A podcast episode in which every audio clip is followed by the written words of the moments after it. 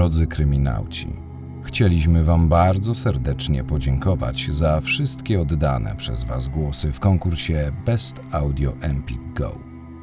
Spośród wielu wybitnych twórców audio, nasz podcast znalazł się w pierwszej trójce w kategorii True Crime. Czujemy się zaszczyceni tym wyróżnieniem. Dziękujemy naszym wiernym słuchaczom oraz Empik Go. Dzisiejsza historia zbrodni jest niezwykle poruszającym świadectwem miłości matki do dziecka, jej ogromu cierpienia, bezsilności i wiary, która trwa do dnia dzisiejszego. Zapraszam do wysłuchania kolejnego odcinka kryminalnego podcastu Oblicze zbrodni pod tytułem Zanim śniegi stopnieją. Pamiętajcie, aby nie przeoczyć galerii zdjęć na końcu każdej naszej historii, która jest dostępna na kanale YouTube.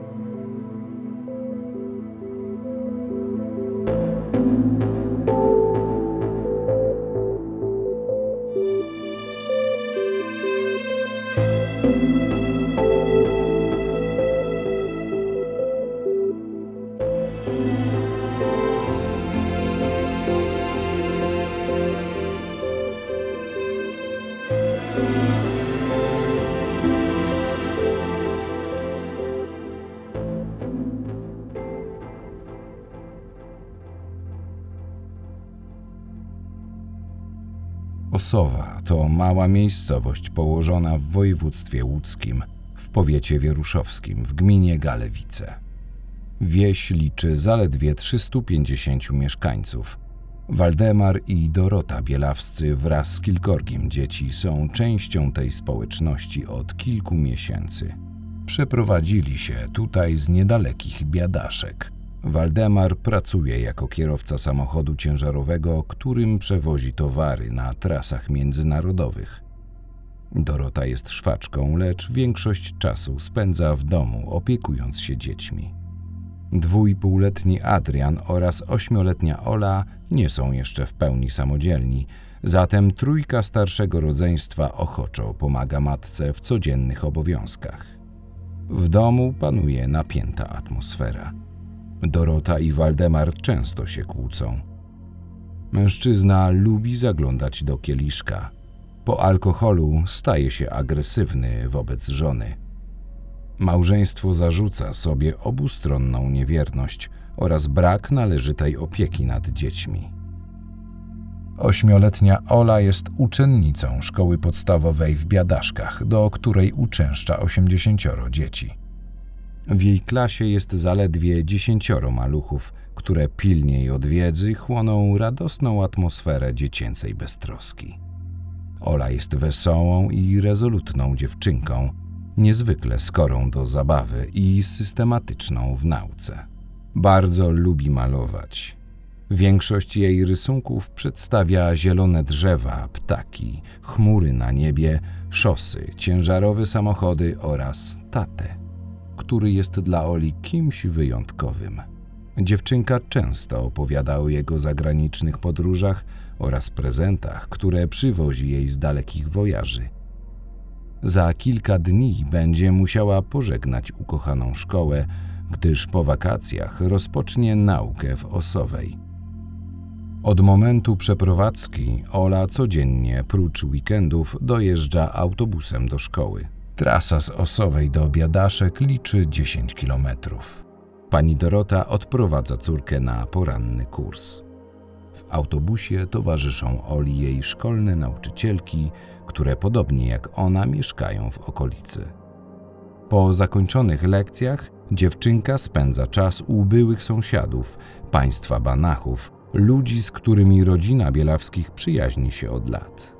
Tam mała Ola je obiad, bawi się z rówieśnikami i wyczekuje na autobus powrotny. Na przystanek zawsze odprowadzają ktoś z rodziny Banachów, tak aby dziewczynka bezpiecznie dotarła do domu. 14 czerwca 2002 roku Ola rozpoczyna zajęcia o godzinie 8.25. Ostatnią lekcją jest religia, która kończy się o godzinie 12.30. Dziewczynka wraca do domu państwa Banachów, wiesza swój czerwony plecak z motywem myszki Miki na ogrodzeniu altanki i informuje sąsiadów, że idzie kupić loda, a później pobawić się z miejscowymi dziećmi.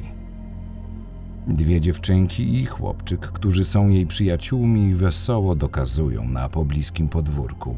Ola bawi się z nimi w berka, a później wspólnie idą na huśtawki. Po zakończonych harcach sumienna ośmiolatka pyta jednej z koleżanek, czy odprowadzi ją do domu sąsiadów. Dziewczynka odmawia, gdyż pragnie się jeszcze chwilę pochuśtać. W powrocie postanawia towarzyszyć jej kolega. Bierze ją za rękę i odprowadza na podwórko państwa Banachów. Widzi, jak Ola znika za ogrodzeniem. Koło godziny trzeciej pani Dorota udaje się na przystanek autobusowy w Osowej.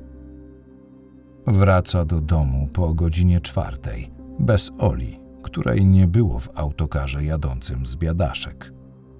Zaniepokojona kobieta informuje męża o nieobecności córki i przed 21 wspólnie wyruszają do państwa Banachów. Już z oddali dostrzegają sąsiadów, którzy stoją przed domem i rozglądają się na boki. Obok nich na ogrodzeniu wisi czerwony plecak Oli.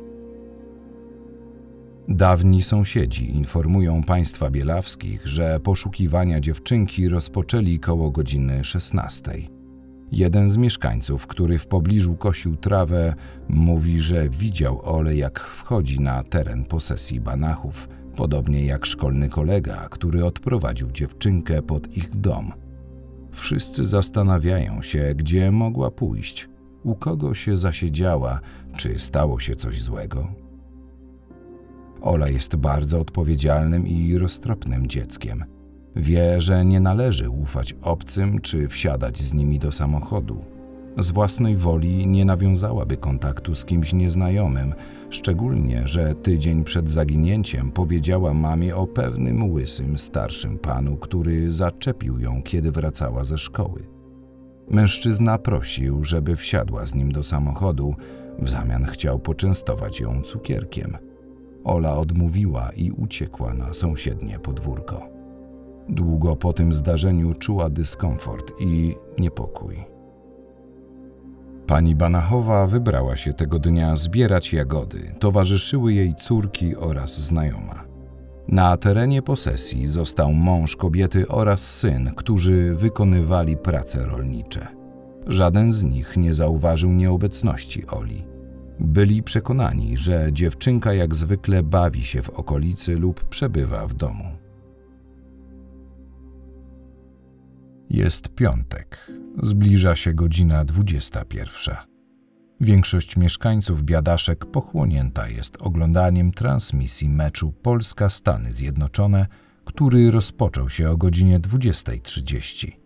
Udaje się jednak zebrać grupę kilkudziesięciu ochotników, którzy rozpoczynają poszukiwania dziewczynki. Ktoś sugeruje, że mała mogła wybrać się na jagody, aby towarzyszyć byłym sąsiadkom – ale zabłądziła lub skaleczyła się w jednym z wnyków, zastawionych przez kłusowników na leśną zwierzynę. Przeczesują zatem najbliższą część lasu oraz otaczającego pola. Kiedy poszukiwania nie przynoszą rezultatu, państwo bielawscy zgłaszają zaginięcie córki na policję. Tuż przed godziną 24 na miejsce przybywają funkcjonariusze wraz z psami tropiącymi na tak zwany górny wiatr oraz kilkudziesięciu strażaków. Do rana trwa akcja poszukiwawcza, lecz nie udaje się znaleźć dziewczynki. Jeden z psów policyjnych wyczuwa jej zapach na podwórku państwa Banachów. Na tym kończy swój trop. Mieszkańcy Biadaszek oraz okolicznych wsi informują funkcjonariuszy, że od dwóch tygodni jakiś łysy, starszy mężczyzna zaczepia dzieci wracające ze szkoły. Obnaża się przed nimi i proponuje im cukierki w zamian za wspólną przejażdżkę. Powstaje portret pamięciowy nieznajomego, lecz sprawa cichnie po nagłym przełomie w śledztwie. Funkcjonariusze dostają anonimowy list z informacją, gdzie może przebywać mała Ola. Nadawca twierdzi, że pan Waldemar chce rozstać się z żoną, gdyż za granicą, a dokładnie w Anglii, układa sobie życie z nową kobietą. Najmłodsza córka jest jego oczkiem w głowie, dlatego wywiózł ją z Polski i upozorował jej zaginięcie. Pani Dorota zaczyna mówić o relacjach panujących w domu. Odkąd przenieśli się do Osowej, sporadycznie ze sobą rozmawiają. Mąż wyprowadzał się już kilka razy. Potrafi pić na umór od samego rana. Wtedy wpada w szał. Dzieci nigdy nie uderzył, ale jej nagminnie się obrywa. Ola jest jego ulubienicą. Potrafi wykorzystać ten przywilej i odwrócić uwagę ojca, kiedy wścieka się na Dorotę. Dziewczynka często do niej mówi: Mamusiu, specjalnie z tatą brykam i się przytulam, żeby hałasu nie robił. Ola uwielbia spędzać z nim czas. Często jeżdżą na samochodowe wycieczki, dużo rozmawiają, żartują. Ojciec jest dla niej autorytetem. Jako jedyna w domu z utęsknieniem wyczekuje jego powrotów z zagranicy. W szkole dużo mówi o tacie, przedstawia go jako bohatera, człowieka wyjątkowego o wielkim sercu. Niedawno chwaliła się granatowym zegarkiem, który jej sprezentował. Pokazała go nawet wychowawczyni, mówiąc, że to prezent od taty. Nauczycielka zauważa jednak, że pani Dorota przestała przychodzić na wywiadówki, a dziewczynka od momentu wyprowadzki do Osowej jest przygnębiona.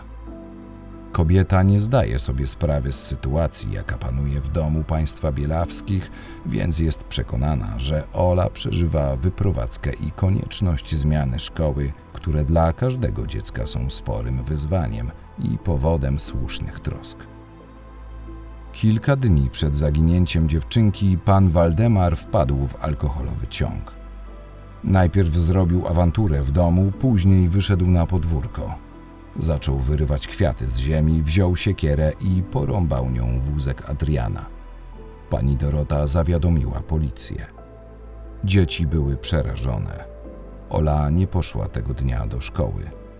Nazajutrz pan Waldemar wrócił do domu, kazał wyprawić córkę na zajęcia, sam spał do południa. Po godzinie dwunastej poszedł do sąsiada, aby pomóc mu w naprawie traktora. Wrócił koło godziny osiemnastej. Ciągle pytał o powrót Oli z biadaszek, aż postanowił pojechać tam wspólnie z żoną. Kiedy przybyli na miejsce, banachowie stali przed domem, tak jakby czekali na ich przybycie. Pani Dorota zajrzała do plecaka Oli, który od kilku godzin wisiał na ogrodzeniu. Wewnątrz znalazła podręczniki, przybory szkolne i nienaruszone pieniądze na bilet autobusowy, którym Ola tego dnia miała wrócić do domu. Wspólnie z dawnymi sąsiadami zaczęli naradzać się, gdzie dziewczynka mogła pójść, co robiła przed zaginięciem i przez kogo była widziana ostatni raz. Mija kilka dni. Poszukiwania Oli nie przynoszą żadnego efektu. Pani Dorota na prośbę byłych sąsiadów przeprowadza się do ich domu. W ten sposób czuje, że jest bliżej córki, że może uda jej się natrafić na jakiś ślad, wskazówkę, która pomoże jej odnaleźć ukochane dziecko. Całe dnie spędza na poszukiwaniach Oli, rozmowach ze śledczymi. Wieczorami siada w kuchni dawnych sąsiadów i rozmyśla nad losem zaginionej córki. Szuka ich wsparcia, potwierdzenia, że Ola wróci do domu. Banachowie spędzają długie godziny na rozmowach z panią Dorotą, możliwych scenariuszach zaginięcia Oli. Pocieszają byłą sąsiadkę. Ich syn oddaje jej swoje łóżko, by mogła chociaż na chwilę zamknąć oczy, zasnąć i zapomnieć o trwającym koszmarze. Znają się od dziesięciu lat, są dla Doroty prawie tak bliscy jak rodzina. Pan Waldemar trafia do aresztu. Funkcjonariusze przesłuchują mężczyznę oraz kilkunastu świadków, którzy w dniu zaginięcia Oli przebywali z nim w warsztacie wiele godzin, aż do późnego popołudnia. Mimo żelaznego alibi, śledczy podejrzewają, że pan Waldemar mógł zlecić porwanie córki. Według najbliższej rodziny mężczyzna nie okazywał żadnych emocji po zaginięciu Oli. Obarczał winą swoją żonę Dorotę, którą uważał za złą matkę. Wielokrotnie odgrażał się, że zabierze jej dzieci i wywiezie za granicę. Starsze rodzeństwo Oli niechętnie wypowiada się o ojcu. W ich oczach widać strach i zrezygnowanie. Mówią, ojciec zachowywał się tak, jak nie powinien. Nie udzielał się w poszukiwaniu Oli. Niczym się nie przejmuje, jest bardzo spokojny. Syn państwa Banachów, Robert, wspomina nietypowe zachowanie pana Waldemara. Wspólnie przeczesywali okolice w poszukiwaniu Oli. Robert dostrzegł brak inicjatywy ze strony ojca zaginionej, który ciągle powtarzał, że nie ma sensu tu szukać, że tu na pewno niczego nie znajdą. Pani Dorota coraz bardziej zatraca się w rozpaczy. Chudnie, jej twarz blednie, a oczy robią się wielkie, ciemne i przepełnione smutkiem. Jest cicha, zamknięta w sobie. W ciągu dnia spaceruje wśród pól i lasów. Zagubiona, bezradna, osamotniona w swoim bólu, szuka pokrzepienia u wróżek i jasnowidzów. Jedni z nich mówią, że Ola żyje, że została wywieziona z kraju. Drudzy są przekonani, że dziewczynka została zabita. Jeszcze inni twierdzą, że za jej morderstwo odpowiada pan Waldemar. Matka zaginionej nie chce wierzyć w śmierć dziecka. Kiedy słyszy te słowa, zaczyna płakać i zaprzeczać. Jedna z wróżek sugeruje, że Adrianek, najmłodsze dziecko Doroty, przez delikatną aurę i dziecięcą wrażliwość może być łącznikiem między światem żywych i umarłych. Proponuje zdesperowanej Dorocie, aby poprosiła synka o nawiązanie kontaktu ze zmarłą Olą. Kobieta wielokrotnie pyta Adrianka, co robi Ola, czy dobrze się czuje. Chłopczyk próbuje odpowiedzieć mamie, często nawołuje siostrę, aby przyszła do domu. Czasem jednak jest zmęczony i nie chce rozmawiać o Oli ani zadawać jej pytań, o które prosi pani Dorota. Pan Waldemar zostaje poddany badaniu wariografem. Wychodzi z aresztu, pierwsze kroki kieruje do małego drewnianego domku państwa Banachów, w którym od dwóch tygodni przebywa Dorota wraz z małym Adriankiem. Mężczyzna prosi kobietę, aby wróciła do Osowej. Jest nieufny wobec byłych sąsiadów, nie czuje do nich sympatii. Jest pewien, że za sprawą zaginięcia Oli stoi ktoś mieszkający w biadaszkach. Ktoś, kogo znają. Banachowie są według niego pierwsi na liście podejrzanych, szczególnie ich najstarsze dziecko, 24-letni syn Robert.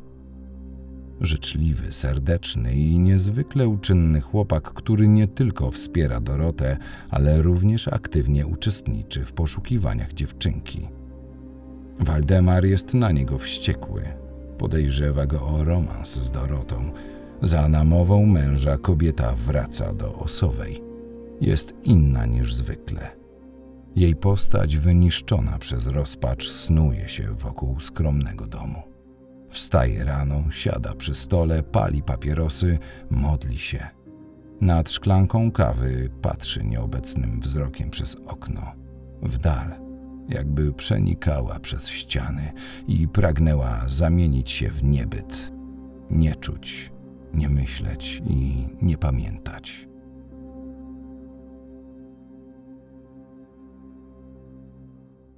Banachowie zostają po raz kolejny przesłuchani przez policję. Robert przypomina sobie, że widział, jak Ola zostaje wciągnięta do samochodu przez jednego ze znajomych pana Waldemara, który w dniu zaginięcia dziewczynki pracował wraz z jej ojcem przy naprawie traktora. Śledczy postanawiają przeprowadzić na Robercie badanie wariografem, którym wcześniej został przebadany ojciec dziewczynki i dzięki któremu został wykluczony z udziału w zaginięciu Oli. Robert podczas badania tajemniczo się uśmiecha. Zapytany przez śledczych o to, czy wie, co się stało z Olą i czy widział jej zwłoki, zaprzecza. Jednak wskaźniki wariografu sygnalizują przeciwstawny wynik. Mężczyzna zostaje aresztowany. Podczas kolejnego przesłuchania przyznaje się do zabójstwa dziewczynki. Twierdzi, że przerzucał ciężkie, ważące 50 kg worki z paszą. Jeden z nich wypadł mu z ręki i uderzył w głowę bawiącą się nieopodal Ole. Kiedy Robert odkrył, że ośmiolatka nie żyje, najpierw zapalił papierosa, a następnie włożył jej ciało na taczki i wywiózł na pole. Schował je w zbożu. Jeszcze kilka dni z rzędu przychodził popatrzeć na rozkładające się zwłoki dziewczynki, których etapy rozkładu szczegółowo zrelacjonował technikom kryminalistyki. Eksperci nie mieli wątpliwości. Robert fachowo i rzetelnie opisał procesy gnilne ludzkiego ciała. Po kilku dniach mężczyzna przestraszył się, że ciało Oli znajdą psy tropiące – nie wiedział, że zwierzęta, które uczestniczyły w poszukiwaniach dziecka, są szkolone jedynie na górny wiatr, czyli technikę wykorzystywaną podczas tropienia żywych osób. Psy nie znalazłyby ciała Oli, gdyż od początku zakładano, że dziewczynka żyje.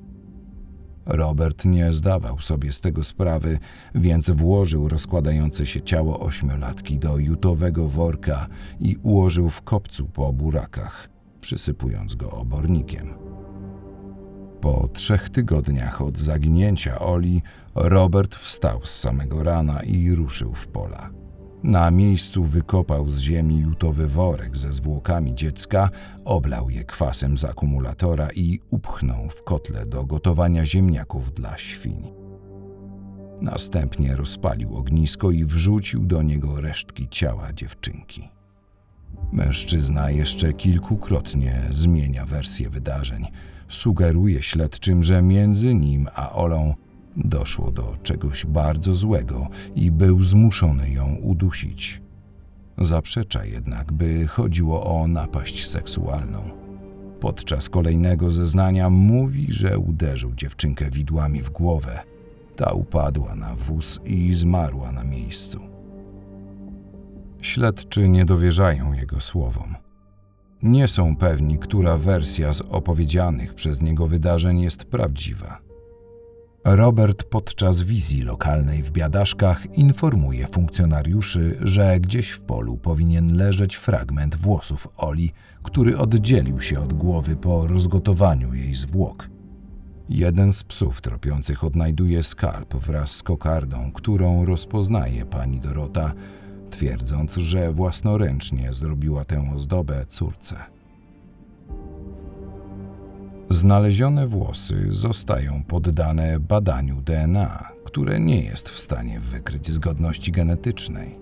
Śledczy są przekonani, że ciało Oli nie zostało spalone, tylko ugotowane w parniku. Dochodzą do nich wieści od mieszkańców wsi, że państwo Banachowie tuż przed świętami sprzedali wszystkie swoje świnie. Następnie kupili nowe, aby je ubić i przygotować z nich zapasy jedzenia. Funkcjonariusze są niemal pewni, że ciało Oli zostało zjedzone przez świnie, które są w stanie zjeść prawie wszystko, prócz włosów. Proces Roberta ma charakter poszlakowy. Brak ciała, brak świadków, brak wystarczających dowodów wskazujących na jednoznaczną winę. Prokuratura przedstawia mu jednak zarzut zabójstwa. Wtedy mężczyzna zaczyna wypierać się dokonania przez niego zbrodni. Twierdzi, że był torturowany, zastraszany podczas przesłuchiwań, tak aby przyznał się do winy.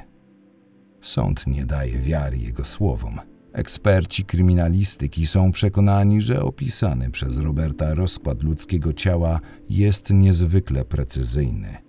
Osoba, która nigdy nie miała do czynienia ze zwłokami, nie byłaby w stanie przedstawić procesów gnilnych z taką rzetelnością. Mężczyzna kpi z opinii biegłych. Próbuje się bronić, mówiąc: Tak samo ze świnią się robiło, jak zdechła. Co jakiś czas szło się dosypywać piachu i się widziało, co tam się dzieje, a to mięso i to mięso. W roku 2004 sąd pierwszej instancji uznaje, że Ola zginęła w wyniku nieszczęśliwego wypadku podczas prac rolnych, a Robert zostaje skazany na 7 lat więzienia. Sąd apelacyjny kieruje sprawę do ponownego rozpatrzenia. W roku 2006 mężczyzna zostaje skazany za zabójstwo na 25 lat pozbawienia wolności. W jego zachowaniu dopatrzono się bowiem bezwzględności, okrucieństwa oraz głębokiej demoralizacji. W roku 2007 dochodzi do kolejnej apelacji. Tym razem sąd przychyla się do wersji o nieumyślnym spowodowaniu śmierci, za co Robert ma trafić do więzienia na 5 lat oraz dwa dodatkowe za zbezczeszczenie zwłok. Na wolność wychodzi w 2010 roku. Wraca do biadaszek. Część mieszkańców zrywa z nim kontakt, inni nadal wierzą w jego niewinność. Podczas pobytu w więzieniu mówił: Jak wyjdę, to Waldka i Dorotę zaproszę na kawę. Ja żalu do nich żadnego nie czuję, nienawiści albo coś, bo oni sami nie wiedzą, jaka prawda jest. Pan Waldemar nie przyjął jego zaproszenia. Pani Dorota przyjechała z wizytą. Zapytała Roberta, czy nadal ma szukać swojej córeczki. Odpowiedział, że tak. Kobieta wierzy, że Ola żyje. Miała sen. Słyszała w nim głos Oli, który mówił: Mamo, mamusiu. Znalazła ją w stodole. Córeczka mocno się w nią wtuliła i spytała: Gdzie ty byłaś tak długo? Jeden z jasnowidzów powiedział: Zanim śniegi stopnieją, odnajdzie się pani córka. Od zaginięcia Oli minęło 21 lat. Nadzieja jej matki jest bezsilnym buntem przeciw jej rozpaczy.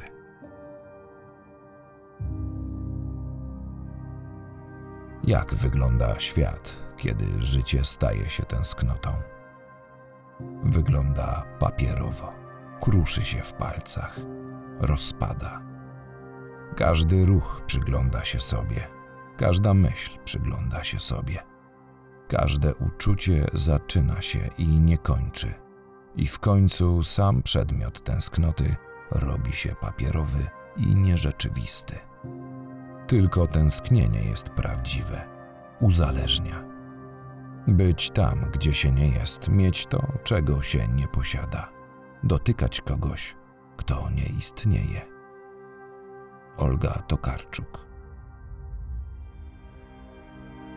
Dziękuję za wysłuchanie tego odcinka. Jeżeli zaciekawiła Was ta historia, a forma, w jakiej opowiadałem, przypadła Wam do gustu, zasubskrybujcie nasz kanał, a kciukiem w górę wyraźcie swoje uznanie. Możecie również pozostawić po sobie ślad w formie symbolicznego komentarza. Dziękuję.